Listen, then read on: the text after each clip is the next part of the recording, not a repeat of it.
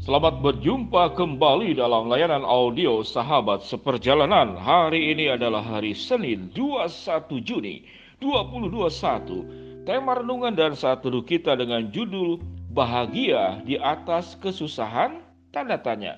Bahagia di atas kesusahan? Tanda tanya. Firman Tuhan terambil dalam Roma 12 ayat 14 sampai dengan ke-15. Demikian bunyi firman Allah. Berkatilah siapa yang menganiayai kamu dan berkatilah dan jangan mengutuk. Bersukacitalah dengan orang yang bersukacita dan menangislah dengan orang yang menangis. Mari kita berdoa. Bapa yang di dalam surga kami bersyukur bahwa kebenaran mengajarkan bagaimana kami hidup benar dan bukan bagaimana hidup kami dalam segala penyimpangan yang sering kali tidak disadari justru kami lakukan karena penyimpangan-penyimpangan yang kami lakukan, kami sedang bersuka cita, kami sedang bergembira di atas kesusahan dan problem hidup orang. Jadikan kami Tuhan untuk orang menjadi orang-orang benar dalam kehidupan ini. Karena itulah sesungguhnya kekayaan dan warisan yang kami bisa berikan kepada anak cucu kami. Dalam nama Tuhan Yesus kami berdoa. Amin. Shalom sahabat seperjalanan yang dikasih Tuhan. Bahagia di atas kesusahan. Ini tema saat teduh seperti apa? Bagaimana mungkin saya bisa bahagia di atas kesusahan? Yang ada adalah bahagia di atas keberhasilan, bahagia di atas kesehatan, bahagia di atas kelancaran, bahagia di atas kekayaan. Tidak ada yang namanya bahagia di atas kesusahan. Namun kita belajar kepada firman Allah bahwa bahagia di atas kesusahan ada yang baik dan ada yang buruk. Kalau yang buruk itu apa? Yaitu bahagia di atas kesusahan orang lain. Ini buruk, bahagia di atas kesusahan orang lain. Berarti kita menjadi orang-orang yang jahat dalam kehidupan ini sekalipun kita bukan pelakunya. Orang terkena musibah yang terjadi itu bukan kita yang melakukan, namun kita merasa bahagia di atas di atas kesusahan orang lain. Bersyukur dia terkena, saya tidak. Saudara, doa seperti ini adalah doa yang sangat jahat. Karena kenapa? Anda bersyukur memang untuk dirimu yang tidak terkena musibah.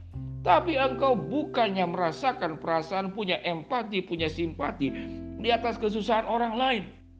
Sahabat perjalanan yang dikasih Tuhan. Bahagia di atas kesusahan orang lain jelas ini adalah sebuah perbuatan dosa. Baik kita sebagai pelaku ataupun kita sebagai pelaku pasif, yaitu Anda tidak melakukan yang disebut dengan pelaku pasif, namun Anda kemudian di dalam hatimu engkau mensyukuri sengaja atau tidak sengaja. Sahabat seperjalanan yang dikasih Tuhan, mengapa orang yang suka bahagia di atas kesusahan orang lain disebut orang yang sakit secara kejiwaan, secara spiritual, secara kerohanian? Karena dia tidak bisa merasakan perasaan orang lain dan hati itu adalah jauh daripada hati Tuhan. Manusia yang jatuh dalam dosa saja karena melawan Tuhan, karena melanggar Tuhan, sesungguhnya bukan Tuhan senang. Tuhan itu merasakan kesusahan tatkala kita jatuh di dalam dosa. Sekalipun kita mengkhianati dia, sekalipun kita meninggalkan dia, sekalipun kita menyangkal dia, apalagi Tatkala kita yang sudah berdosa ditebus oleh Tuhan, dicintai oleh Tuhan, dikasihi oleh Tuhan dan tidak ingin Tuhan itu kita mengalami kesusahan dalam hidup ini. Sementara kita melakukan perbuatan yang berbalik daripada kebenaran firman Allah. Kita suka punya kebiasaan, kita bahagia di atas kesusahan orang lain. Apa penyebabnya, faktornya? Mungkin balas dendam, Anda selama ini mungkin diperlakukan tidak adil, sama seperti firman Tuhan. Bagaimana mungkin saya bisa memberkati orang yang menganiayai aku? Memberkati orang dan kita dilarang mengutuk sementara yang bersangkutan merugikan. Firman Tuhan tidak mengajarkan perlawanan. Karena mengapa? Karena keadilan, karena penghakiman, karena penghukuman itu bukan bagian kita. Itu adalah bagian Allah. Allah punya cara untuk menghukum, untuk mendisiplin atau ataupun mungkin mengasihi dan membuat orang itu bertobat. Itu adalah wewenang Tuhan dan bukan wewenang kita. Apa penyebab kita suka bahagia di atas kesusahan orang lain? Mungkin balas dendam karena Anda tidak bisa melakukan pembalasan dan terjadi musibah, lalu kita mensyukuri. Mungkin juga iri hati karena dia lebih maju, dia lebih berkembang sementara kita tidak. Tatkala kemudian orang tersebut mengalami musibah, Kita senang dengan kesusahan orang lain. Itu iri hati. Mungkin juga karena gambaran diri yang buruk. Kita mengalami kesulitan, kita mengalami kesusahan, kita mengalami traumatik, traumatik. Kita punya pengalaman buruk di masa lalu. Lalu seakan-akan saya tidak mau sendiri di dalam dunia ini punya pengalaman buruk. Sehingga tatkala orang satu demi satu mengalami pengalaman buruk, Anda bersyukur bahwa saya punya teman yang banyak di dalam pengalaman buruk yang dialami. Ini adalah sebuah hal yang jahat. Atau juga kenapa orang itu suka bahagia di atas kesusahan orang lain? Karena kebiasaan yang terjadi di lingkungan di masa lalu seseorang bisa melakukan genosida, pembunuhan massal seperti ya Adolf Hitler karena dia punya pengalaman masa lalu, ditekan. Kalau kita belajar sejarahnya, lalu kemudian pengalaman itu bukan kemudian menjadikan dia supaya orang lain tidak mengalami. Dia melakukan perkara yang sama yang dia tidak sukai di masa lalu dan itu dilakukan juga kepada orang lain. Sahabat seperjalanan yang dikasih Tuhan, apa itu bahagia yang benar? yaitu bahagia di atas kesusahan sendiri. Artinya apa?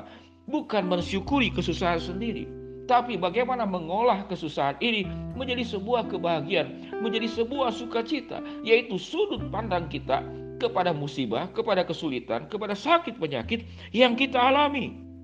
Tatkala kita mengalami sakit penyakit, tatkala kita mengalami persoalan, kita punya pemahaman yang benar bahwa ini adalah dalam izin Tuhan. Tuhan sedang punya maksud untuk mendidik kami. Tuhan sedang punya rancangan yang baik untuk mendatangkan kebaikan bagi kami semua.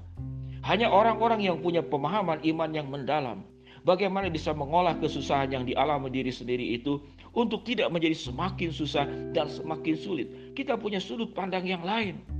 Sahabat seperjalanan yang dikasih Tuhan. Mari kita belajar bahwa Allah saja di dalam diri Kristus Yesus mengalami kesusahan. Tapi kesusahan yang dialaminya adalah tujuannya untuk kebaikan. Tatkala kita sudah berjuang melakukan tanggung jawab kita, mengurus rumah tangga, mencari nafkah, berjuang untuk hal yang baik, lalu kita mengalami kesusahan, bersyukur bahwa kesusahanmu bukan disebabkan oleh dirimu, tapi karena keadaan, karena dunia yang penuh dengan dosa dan manusia-manusia yang penuh dengan dosa dan berbuat dosa dan kita kena dampaknya. Tetapi kalau kesusahan disebabkan oleh kesalahan sendiri itu akibat. Tapi kesusahan karena diakibatkan oleh orang lain. Bila kita bertahan kepada Allah, kita tetap bersuka cita di dalam Tuhan. Karena Tuhan tidak meninggalkan kita. Badai kesulitan hidup ini akan berlalu. Tidak pernah ada yang kekal di dalam dunia ini. Tidak ada yang kekal di dalam dunia ini. Bahagia dalam dunia tidak kekal. Kesusahan di dalam dunia tidak kekal. Penderitaan di dalam dunia tidak kekal.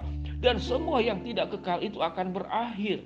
Dan Tuhan akan ubahkan kekekalan dengan keindahan-keindahan yang kita akan alami di masa kehidupan kita setelah kita meninggal. Sahabat seperjalanan, bahagia di atas kesusahan, jangan kita punya kebiasaan bahagia di atas kesusahan orang lain. Bahagia di atas kesusahan diri sendiri tentu tidak demikian, tapi kita bisa mengubah kesusahan itu tidak membuat kita semakin susah. Kita tetap bahagia, kita tetap suka cita karena kita bersyukur, karena kita punya Allah yang menolong, menggembalakan, membantu, menjamin, menyertai, merancangkan masa depan yang baik, mendatangkan kebaikan buat kita semua. Dan kesusahan yang kita alami, kalau itu terjadi karena masalah dunia yang tidak sempurna ini, kita tetap kuat di dalam Tuhan. Sahabat seperjalanan yang dikasih Tuhan. Jangan bahagia di atas kesusahan orang lain. Kalau kita punya kesusahan, belajarlah untuk tetap bahagia. Karena mengapa? Kita tidak sendiri. Allah akan menolong kita. Allah akan membantu kita. Dan Allah akan membela kita. Kalau engkau diperlakukan tidak adil. Mari kita berdoa. Bapak yang di dalam sorga ya Tuhan hambamu berdoa untuk seorang hamba Tuhan yang terkena COVID di Jakarta. 75% paru-parunya itu bermasalah ginjal dan levernya juga bermasalah. Tuhan jamah, Tuhan sembuhkan dan biarlah kehendakmu yang terjadi di atas segala-galanya. Hambamu berdoa ya Tuhan buat kedua rekan hambamu majelis gereja yang terkena COVID Tuhan juga akan jamah dan sembuhkan berikan damai sejahtera iman yang kuat dan kesembuhan di atas segala-galanya kami serahkan jemaat para sahabat seperjalanan yang bermasalah dalam pekerjaan rumah tangga dalam hubungan dan di dalam studi dan segala sesuatunya Tuhan yang berkarya, Tuhan yang membuka jalan, Tuhan yang memberkati, Tuhan yang mencukupkan. Dalam nama Tuhan Yesus kami berdoa. Amin. Shalom sahabat seperjalanan yang dikasih Tuhan.